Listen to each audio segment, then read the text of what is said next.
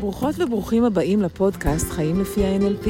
אני דפנה רטר. ואני נוגה רטר. בכל פרק נעסוק בתחום אחר של החיים. וביחד נלמד איך אפשר לחיות אותו טוב יותר לפי ה-NLP. אז בואו נתחיל.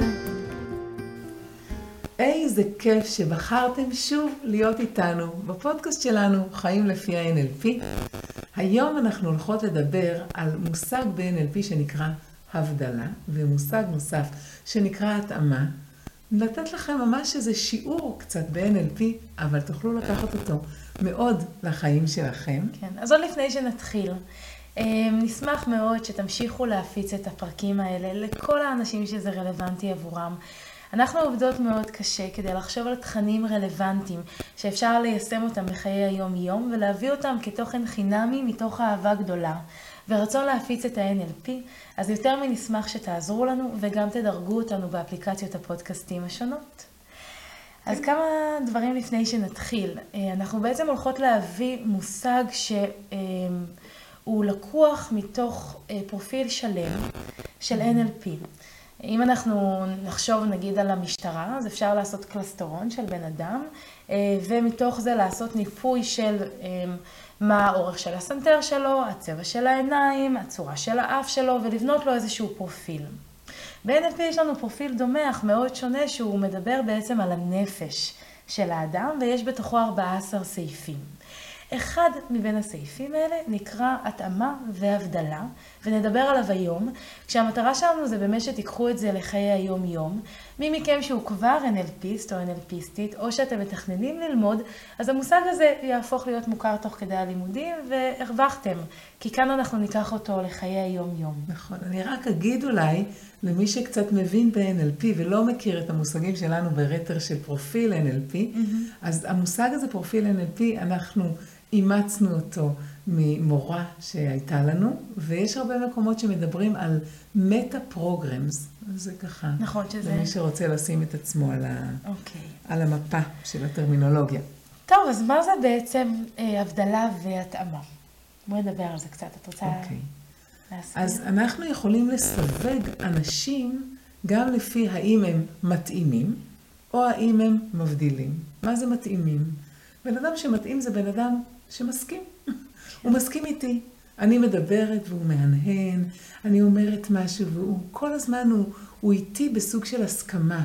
הוא אומר כן מבפנים למה שאני אומרת. מבדיל זה בן אדם שמקשיב ואומר, לא, אני לא מסכים, זה לא ככה. עכשיו, התאמה בגלל שזה כן, זה דבר אחד. הבדלה בגלל שזה לא, אפשר להבדיל המון דברים. כן. אפשר בגדול לדבר על, אה, כאילו על רמות של הבדלה. כשבן אדם אומר כן, הוא פשוט אומר כן. הוא אומר לך כן, וזה זה נגמר. הוא מחפש את מה שדומה, והוא אומר על זה כן. כשבן אדם מחפש את מה ששונה, אז זה יכול להיות מהכל שונה, ואני לא מסכים עם שום דבר, עד לרמה מאוד מאוד עדינה, שהיא כמעט לא מורגשת כלא, אבל בגלל שהוא לא אומר כן, זה בכל זאת איזושהי הבדלה. נכון, אז מדברת פה על איזושהי קשת של הבדלות. קשת של הבדלות. כן, זאת אומרת, בצד אחד יש לנו מה שנקרא הבדלה כיתובית, אני לא מסכים עם כלום. יש לנו קשת, כל מיני סוגי הבדלות, ובסוף יש לנו התאמה. אני לגמרי מסכים עם כל מה שאמרת. נכון. אני רק אגיד עוד לפני שנתחיל לדבר על סוגי הבדלות, שאנחנו מדברים פה על איזושהי נטייה. עכשיו, כשאתם מאזינים לפרק, אתם יכולים לשאול את עצמכם, האם אתם הרבה פעמים מסכימים עם הסביבה, מהנהנים למה שאנשים אומרים, מחפשים את הדומה, שיש בכם משהו שהוא אוהב להתאים? או שאתם באמת יותר מבדילים. אתם שואלים שאלות, אתם לא מסכימים, אתם שמים סימני שאלה על דברים שאנשים אומרים, אתם מחפשים כל הזמן את מה ששונה. עכשיו, זה לא רק שזה מדובר באיזושהי נטייה, זה גם משתנה בין תחומי עניין. ואנחנו נדבר על זה הרבה בהרחבה בהמשך הפרק. אז מה שמעניין זה שאנחנו יכולים לחקור את עצמנו תוך כדי הפרק ולשאול את עצמנו, איפה אני מתאימה, איפה אני מבדילה, איזה סוג של הבדלה אני עושה, אה, וגם להחליט האם טוב לי ככה או שאני רוצה משהו אחר. נכון. אנחנו בקורסים שלנו, כשאנחנו מתחילים נכון. ללמד את התחום הזה, אנחנו מבקשים מאנשים לנחש מה הם. האם הם מתאימים והאם הם מבדילים. וכל בן אדם רושם על פתק בקטן מה הוא חושב על עצמו, ואז אנחנו שואלים את הקבוצה. עכשיו, מדובר, ב... כשאנחנו מגיעים ללמד את זה בקורסים, זה קבוצות שמכירות כבר אחת את השנייה הרבה זמן. ואז כמה מכם חושבים שנוגה היא מבדילה, ואנשים מרימים את היד, כמה מכם חושבים שנוגה היא מתאימה. וכל כך הרבה פעמים אנחנו כבר נתקלנו במצבים שבהם האנשים שהקבוצה רואה אותם כמבדילים מאוד, הם לא מסכימים גם עם זה. והם חושבים שהם מתאימים. נכון. או קורה משהו אחר, זה שאנשים, אה, שכל הקבוצה חושבת שהם בהתאמה, והם אומרים, האמת, אולי פה בקבוצה אני באמת בהתאמה, כי אני מאוד מאמינה ב-NLP ונכנסתי לזה, וטוב לי בתוך התכנים, אבל בחיים האמיתיים שלי אני מאוד מבדילה, לכל דבר. לבוס, לזה, לפה, לשם, אז זה גם כן מעניין לראות את זה. כן. אז, אז אני חושבת שאפשר להתחיל מזה שכל אחד ואחת מכם, כשאתם מקשיבים עכשיו לפודקאסט, תשאלו את עצמכם, האם אתם יותר מתאימים? אתם יותר בהסכמה, בזרימה, מחפשים במה אתם דומים לאחר, או שאתם דווקא יותר נוטים להיות מבדילים, דווקאים, לחפש במה אתם אחרים, במה האחר טועה. איפה אתם יותר? ואולי גם תתחילו לחשוב על הקשרי חיים שונים. איפה אתם יותר מבדילים? איפה אתם יותר מתאימים? זה נורא מעניין, זה מעניין. להכיר את עצמנו. ממש. אז אנחנו אומרים ככה, כשבן אדם בהתאמה, אז הוא בהתאמה, הוא אומר כן. אז יש לנו סוג אחד של התאמה, התאמה. בהבדלה יש לנו באמת קשת שהתחלנו לדבר עליה, שהיא מונה ארבעה סוגים שונים של הבדלה. עכשיו, חלק מהם הם יותר רלוונטיים וחלק פחות. אנחנו בחרנו פה בפרק הזה להביא שני סוגי הבדלות, שבעינינו הם באמת רלוונטיים לחיי היום-יום. Mm-hmm. שאר סוגי ההבדלות הם יותר מתאימים גם לעולם הטיפולי, אז מי מכם שיגיע ללימודים, אז ימשיך להעמיק בתחום הזה של סוגי הבדלות.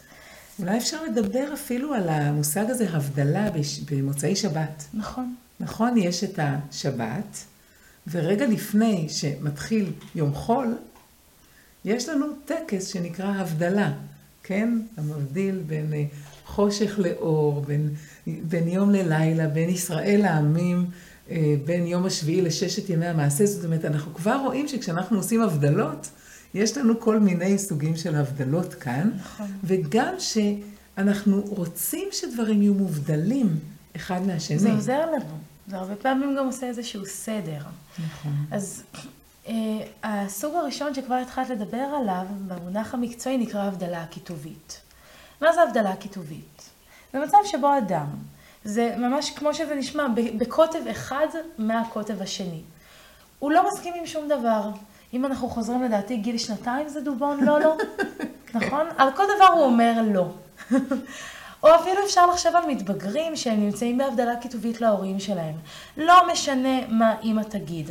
אני לא מסכים, אני לא רוצה לעשות את זה, אני אעשה ההפך דווקא בגלל מה שהיא אמרה.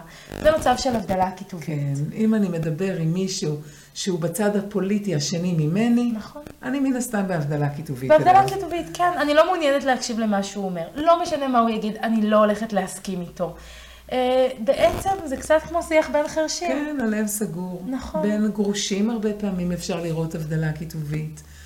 אה, ולא עלינו לפעמים גם בין לא גרושים, בתוך מערכת יחסים זוגית.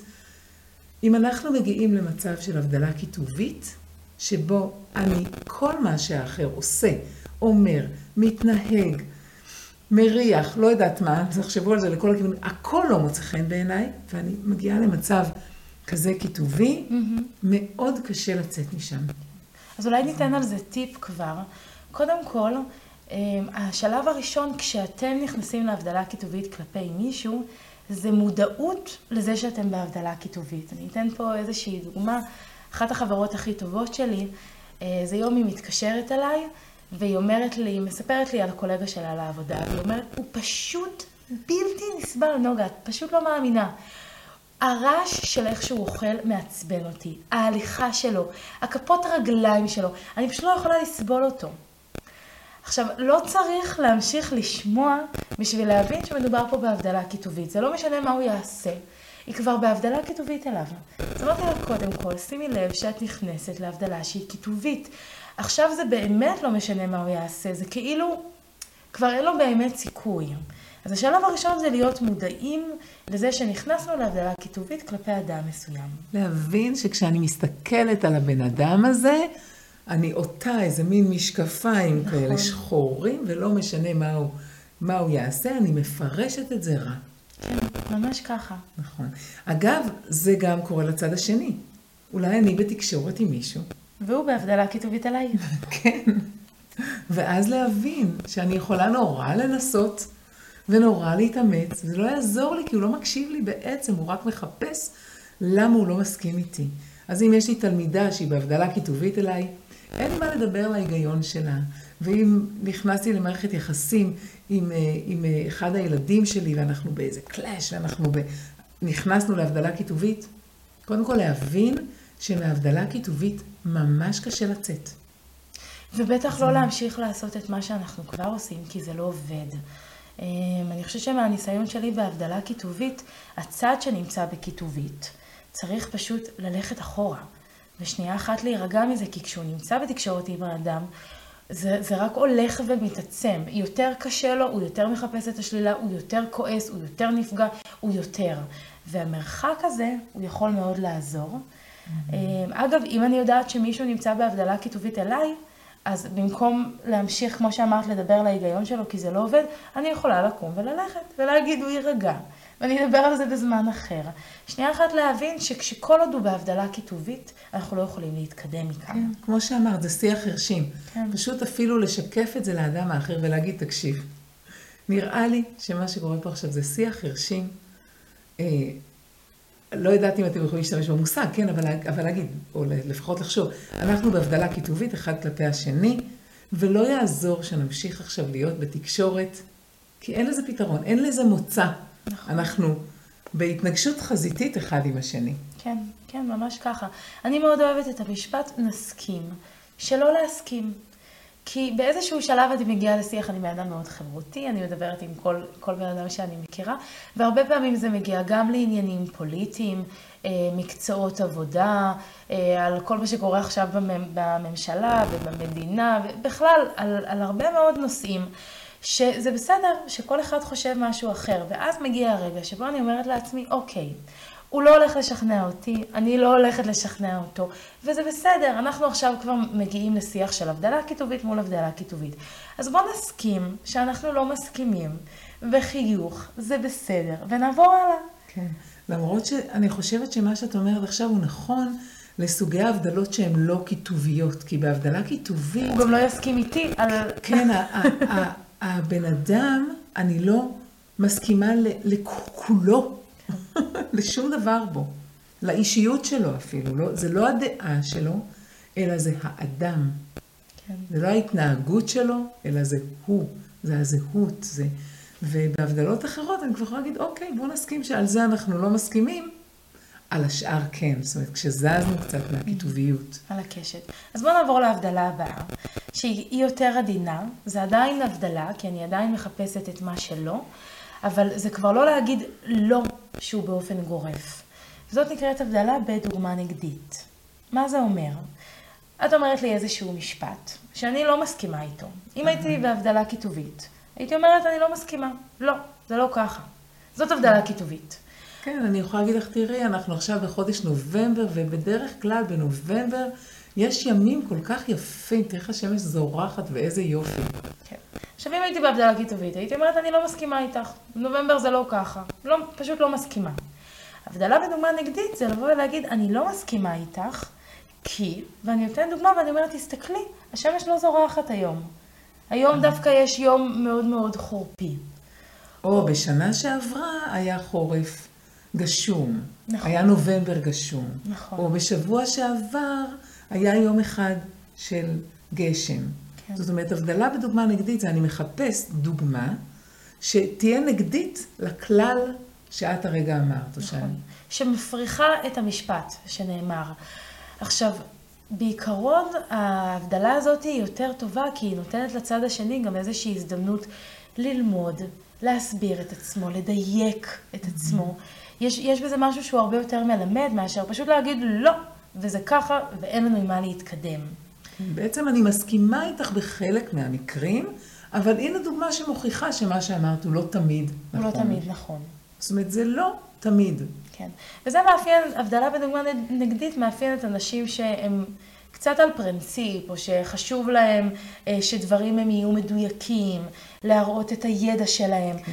אני אגיד כנוגה, שאני בן אדם שהוא בעיניי, תגידי לי את, אני נוטה להתאמה.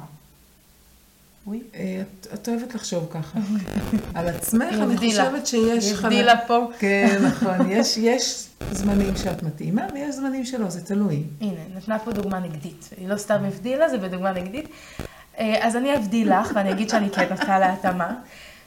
נוטה. בסדר. ראיתם, אמרתי לכם שהם מתקטננים, אלה של הדוגמה נגדית. אז, אמ, אז אחד מהדברים שמאפיין אנשים שהם בהתאמה, כי אני בהתאמה, זה שהם, אה, הנה, עכשיו היא התאימה לי, תודה, מעריכה. זה שהם, זה בסדר להם, גם אם אומרים משהו והוא לא עד הסוף מדויק, הם, הם עדיין יגידו כן. אבל בן אדם שנוטה להבדלה, כמו אימא שלי, אז היא לא תסכים עם זה ותאגד אותי, תגיד, לא, אני מכירה ככה וככה, ואני יכולה לתת לכם מחקר שיגיד א', ב' וג', אמ, שזה העניין הזה קצת של להצטדק. כן, לדייק, ואני גם חושבת שאנשים שהם מבדילים, כן.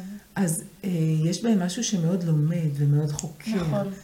והם הרבה פעמים מאוד מרדנים, והם הרבה פעמים מאוד דעתנים. והם הרבה פעמים מאוד קצת צבעוניים, זאת אומרת, יש בהם משהו שהוא אחר. אני אחר מ... אולי נדבר באמת על היתרונות והחסרונות של כל אחת מהנטיות. Mm-hmm. רק נגיד לפני שה-NLP, אנחנו הרבה פעמים שואלים בקורסים, מה עדיף, להיות בהתאמה או להיות בהבדלה? אז לפני שנענה, תחשבו רגע לעצמכם, מה אתם חושבים שעדיף? או עם איזה אנשים יותר נעים לכם להיות? Mm-hmm. עם אנשים שהם מבדילים, עם אנשים שהם מתאימים, עם מי יותר נעים, עם מי יותר מעניין, עם מי יותר אה, אה, רגוע. מאתגר. כן. כן, שלב, שקט. כן. עם מי יותר משעמם. כן, נכון. אה, אז ה-NLP אומר שאין משהו שהוא טוב או רע, אין נכון ולא נכון, אלא יש את העניין של הגמישות.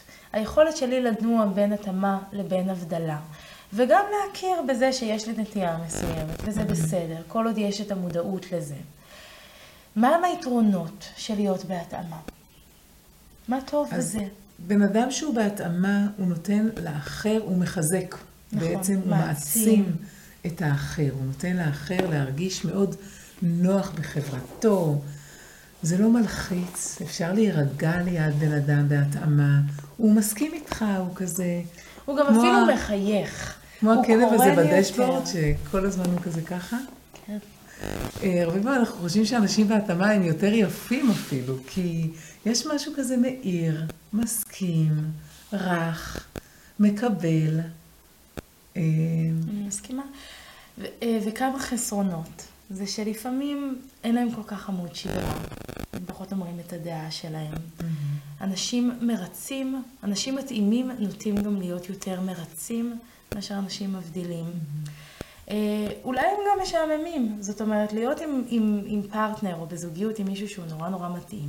אז זה קצת להרגיש שאתה לבד במשוואה, כי על הכל הוא אומר כן, או לי זה mm-hmm. בסדר, מה שאתה רוצה, ולפעמים אין, אין את ה...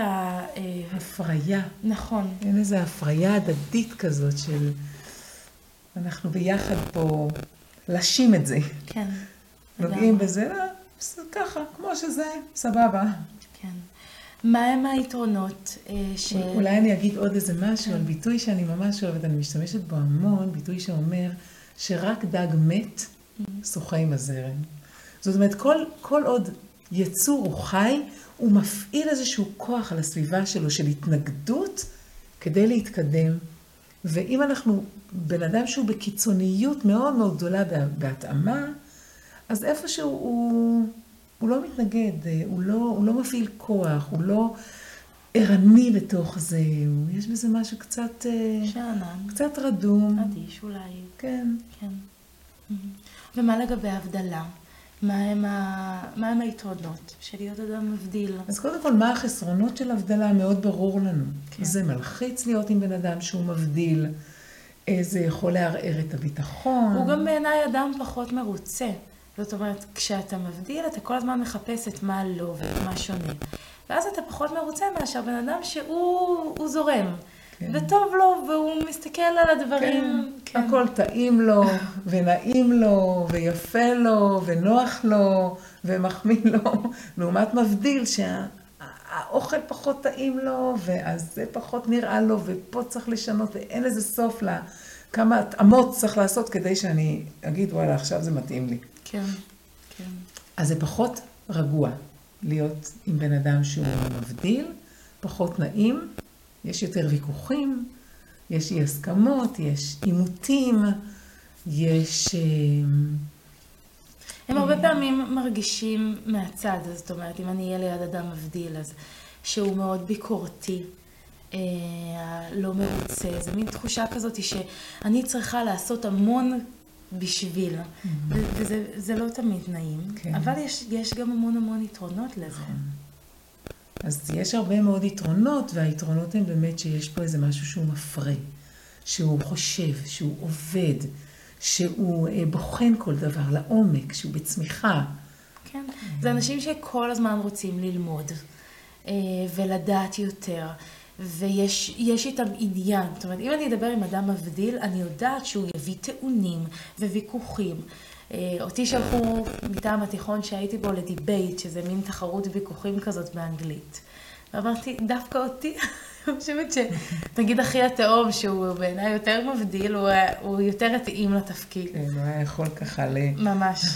כן, כל להביא דבר... טיעונים מבריקים שם. בדיוק, כן. אמ, קודם דיברת על העניין של גירושים, שבגירושים הרבה פעמים נמצאים באיזושהי הבדלה. אז אם זה ככה, אז, אז מה, מה אנחנו יכולות להגיד נגיד על התאהבות בין בני הזוג? אולי גם תחשבו אתם, האם בהתאהבות בני הזוג נוטים להיות בהבדלה אחד לשני או בהתאמה? אני חושבת שזה מן הסתם די ברור שהתאמה מלאה. התאמה מלאה עד כדי עיוורון, אומרים אהבה עיוורת, אתה לא כן. רואה את הדברים ש, שמפריעים לך, ולעומת זאת, מהצד השני, בגירושים, יש, הכל, הכל, שחור משחור, וגם גם אישה, נגיד, שהיא בחיי היומיום שלה מאוד נוטה להתאמה, היא תהיה בהבדלה קיטובית כלפי הגרוש שלה. כן. אז אה, בהחלט אפשר לראות את זה שם, אפשר לראות את זה ביחסים, נגיד, בין אימא לתינוק שרק נולד. שיש ממש התאמה מלאה. יש שם אידיליה, התאמה מלאה מלאה, ו- וגם אם הוא צורח וקשה לה איתו, היא לא, היא תבין. יהיה לה קשה, כן? אולי תשכח לנשום כשהוא צורח, אבל, אבל היא, היא כל כולה מסכימה לנוכחות שלו. אגב, אם היא לא, היא יכולה להיכנס לדיכאון. לדיכאון אחרי לידה. אם היא לא ממש... האמת אה, שזה מעניין לחשוב על הקשר, שאישה שלא נמצאת בהתאמה לתינוק שלה, אז היא יכולה להיכנס לדיכאון של אחרת. כן, כי אחרת זה נורא נורא קשה. יש סיפור על, אה, שאנחנו שמענו אותו מאושו, על, אה, על איזשהו בן אדם שהיה בכפר, Mm. די אה, כזה, מכירה את הסיפור? כן. רוצה לספר אותו? לא, לא, ספרי, סיפור מעולה. אז תספרי. כן? אז איזשהו שוטה שנמצא בכפר, אף אחד לא, חכם, לא חשב שהוא חכם, והוא לא כל כך ידע מה לעשות עם זה. ואז הגיע איזה אדם אה, חכם לכפר, והשוטה בא אליו, והוא אומר לו, אף אחד לא לוקח אותי ברצינות, אני לא יודע מה לעשות. רוצה להיות השוטה, אני אהיה המייעץ. אז תהיה מייעץ, אז אני השוטה, ואני, ואני לא יודע מה לעשות. אני, לא חכם, לא לוקחים אותי ברצינות, מה, מה לעשות? ומה אתה רוצה שיהיה? מה היית רוצה שיהיה? אני רוצה שאנשים יעריכו אותי, יתייחסו אליי בכבוד, אמ, שלמילים שלי תהיה משמעות. אה, תקשיב, יש לי רעיון בשבילך. תעזור לי. אתה מעכשיו, כן. אל תגיד את הדעה שלך על שום דבר. רק תגיד שאתה לא מסכים. שזה יכול להיות אחרת. שזה יכול להיות יותר טוב, זה הכל. רק להגיד אני לא מסכים, כן, יכול אה, להיות יותר טוב, יכול להיות- לעשות את זה אפשר לעשות. את זה אחרת. אוקיי, סבבה? אני לוקח את זה, תודה. אחלה, להתראות גבר, בהצלחה. אחרי שנה, הם נפגשים שוב. ממשיכה את הקו הזה, ממשיכה לשחק את החכם. שלום, אה, שלום שוטה הכפר היקר, מה, או, מה שלומך? שוטה זה כבר לא אני, אני מצטער. האמת שאני התמניתי כבר להיות ראש הכפר. אני מבין שהעצה שנתתי לך הייתה מאוד מועילה. תרצה לשתף אותי מה קרה? אמ, כן, אפשר גם אחרת, קודם כל. אבל אני באמת יישמתי את מה שאתה אומר. ואני לא אומרת את הדעה שלי על שום דבר. כבר שנה, אני לא, אף אחד לא יודע מה הדעה שלי. ובואנה, אנשים תופסים ממני ראש הכפר. אז זה באמת סיפור שלוקח את זה קצת לקיצוניות, כן. אבל, אבל כן, אנשים שהם מבדילים, הרבה פעמים נתפסים גם כיותר חכמים. יותר לעומתיים כאלה, אבל אה, יותר חכמים. נכון. אז זה בעצם, אה, אם אנחנו מסכמות, אז דיברנו על התאמה ועל שני סוגים של הבדלות, ועל המודעות לסוגי הבדלות, ומהם היתרונות של התאמה ושל הבדלה. ועוד נושא שאולי שווה שנדבר עליו, שזה גם כן סעיף נוסף בתוך פרופיל NLP, שהוא ממש מתלבש אה, אחד בשני יחד עם סוגי הבדלות, זה מושפעות. מה זה בעצם אומר מושפעות? את רוצה להגיד? כן, אז מושפעות זה בעצם השאלה, כשאנחנו מדברים על פרופיל NLP, אנחנו בדרך כלל אומרים יש כמה סוגים, כן? אז אם יש אה, התאמה ויש סוגי הבדלות, אז במושפעות יש לנו מושפעות פנימית ומושפעות חיצונית. במושפעות פנימית, אני מושפעת ממה שאני מרגישה, חושבת, יודעת, מהאינטואיציה שלי, ממה ש... בטן. כן, מה שאני חושבת. במושפעות חיצונית, אני מקשיבה לדעות של אחרים, ואני מושפעת מאוד מאוד מזה. נכון. ואיך זה בעצם מקשר אותנו לנושא של הפודקאסט אני מניחה? שאתם כבר יכולים לשאול את עצמכם, אדם שנמצא במושפעות פנימית, האם הוא נוטה להתאמה או להבדלה? כשבגדול אנחנו אומרים, שוב, זאת הכללה, אבל ככל שבן אדם יותר בהבדלה, ככה הוא גם יותר במושפעות פנימית. למה? כי מה שהסביבה אומרת לו, זה לא מה שמשפיע עליו, כי הוא יודע, הוא חוקר, אה, הוא בוחן, אה, הוא הולך עם תחושות הבטן שלו, הוא פחות מתייעץ עם הסביבה ויותר באמת עם עצמו. אה, אז הוא במושפעות שהיא פנימית. אדם שהוא נוטה להתאמה והוא אומר כן לסביבה והוא מקשיב למה שאנשים אומרים והוא לוקח את זה, אז מן הסתם הוא מושפע מהסביבה, יש לו מושפעות שהיא יותר חיצונית. וזה מעניין קודם כל לראות את הקשר. תשאלו את עצמכם, אם אתם נוטים להתאמה, אז עד כמה אתם מושפעים מהסביבה וגם ממי? האם טוב לכם להיות מושפעים מהאנשים שמהם אתם מושפעים? ואם אתם נוטים להבדלה, אז האם אתם באמת מאוד סוגרים את עצמכם מלהיות מושפעים אה, מהסביבה? אולי הייתם רוצים להיות מושפעים יותר? זאת אומרת, בכלל זה ללמוד המון על הנפש שלנו, על האופי, מהם הדברים שמשפיעים עלינו, זה מעניין. כן. יש למשל ביהדות את הביטוי הזה, עשה לך רב. יש המון רבנים והמון המון זרמים והמון אה, צבעים, וברגע שבן אדם עושה לו רב, זהו, הוא מחויב להקשיב לרב הזה. בעצם להיות בהתאמה לרב הזה, והרב הוא בעצם סוג של מושפעות חיצונית, מה שהרב יגיד לי זה מה שאני אעשה. נכון. אבל כדי למשל. לבחור את הרב הזה, אז את צריכה- להיות במושפעות, טוב, האמת שזה תלוי, את יכולה גם להיות במושפעות חיצונית. אז זה. תלוי אם אני בחרתי ברב שההורים שלי נכון. אה, היו איתו, ואז אני בעצם כל הזמן במושפעות שהיא אה, חיצונית, או שבאיזשהו שלב באתי ואמרתי, רגע, גדלתי בזרם מסוים, לא בטוח שזה מתאים לי, אני יוצאת לחיפוש, אני בהבדלה, אני מחפשת מה אה, יתאים לי עכשיו, ואני מוצאת לעצמי רב אחר. זאת אומרת, אנחנו די זזים בין הבדלה והתאמה. זה לא שאנחנו רק כאן, רק. או רק זה לא כאן. שחור ולבן. כן, גם המושפעות שלנו, נגיד, היא מאוד מאוד משתנה, אפילו לאורך השנים. נגיד, תינוק שרק נולד, אין לו טיפת מושפעות חיצונית. הוא מושפע רק ממה שקורה שם בפנים. אם הוא רעב, אם הוא צמא, אם הוא יבש, אם הוא רטוב, אם הוא עייף, אם הוא... רק מושפעות פנימית, קיצונית מאוד. לאט לאט הוא מתחיל לצאת לעולם, ומתחיל להיות יותר מושפע מדברים שקורים בחוץ. ובגיל ההתבגרות וואי, אנחנו וואי. יכולים לראות שלפעמים אנחנו מסתכלים על, ה, על הנערה שגדלה לנו בבית, אומרים, מה נהיה? למה היא מתלבשת ככה, ומדברת ככה, ורוקדת ככה, וחושבת ככה, ועושה ככה וככה, וזה הכל המון המון מושפעות חיצונית של הסביבה שלה, והדברים הם מאוד מאוד בתנועה נכון. בסך הכל, ובאיזשהו שלב בחיים אנחנו מגיעים לאיזשהו איזון עם זה. אז יש לי את הרב שאני מושפעת חיצונית ממנו, יש לי את האמונות שלי שאני הולכת איתם, יש ככה, אנחנו באיזה מין תנועה כזו. כן, זה גם משתנה, זאת אומרת, זה משהו שהוא באמת דינמי. כן. יש לנו יכולת גם להשפיע על זה, כשהמודעות שלנו היא עולה.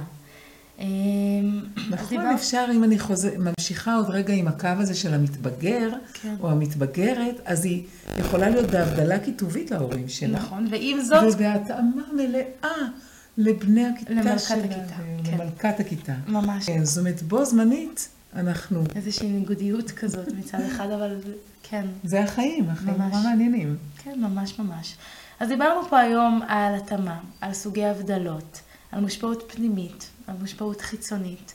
כשאני חושבת שאולי אה, המשפט בפרק הזה, זה שככל שיש לנו יותר מודעות, אז אנחנו יכולים להחליט איך אנחנו אה, פועלים בתוך זה, בהתאם לכל הדברים שקיימים. אז אם מישהו בהבדלה כיתובית אלינו, כשאני מודעת לזה, מה אני בוחרת לעשות עם זה? או אם אני יודעת שהנטייה הטבעית שלי זה מושפעות חיצונית. אה, אבל, אבל אני רוצה לקבל החלטה שהיא עבור נוגה, אז במקום להתייעץ כל הזמן עם אנשים, שזה משהו שהוא מאוד מאפיין מושפעות חיצונית, אני אשב ואכתוב או אחשוב או אעשה משהו שהוא רק שלי עם עצמי כדי שאני אהיה מושפעת ממני. Mm-hmm. זה מעניין. כן. NLP זה מעניין. נכון. אז הטיפים שאנחנו יכולים לקחת מהפרק הזה זה קודם כל לאבחן. ואם אנחנו בהבדלה כיתובית מול מישהו, או מישהו בהבדלה כיתובית מולנו, מה שאנחנו עושים זה לסגת. אין מה להמשיך את התקשורת בשלב הזה, זה פשוט לא יוביל לשום מקום. כן. אה, ודוגמה נגדית, אם אנחנו רואים שמישהו ככה נותן דוגמה נגדית, אז אה, זה האמת לפעמים גם יכול לקדם.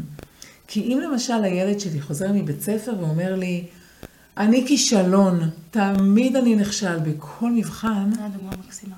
כן, אז דווקא אם אני כאימא אתן לו דוגמה נגדית ואגיד לו, רגע, אתה יכול להיזכר פעם אחת אפילו שבה כן הצלחת באיזשהו מבחן, ובזה להפריך את הכלל שהוא עשה עבור עצמו.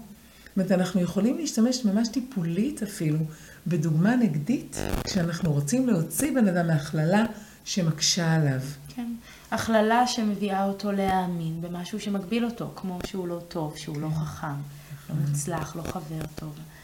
כן, אז יש עוד המון.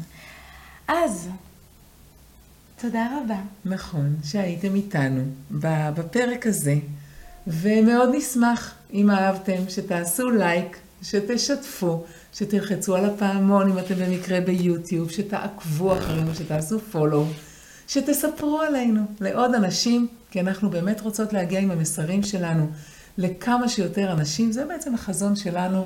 כבר המון שנים, להפיץ את ה-NLP, ועכשיו אנחנו עושות את זה דרך הפודקאסט הזה. אז אה, להתראות בעוד פרקים. ביי ביי.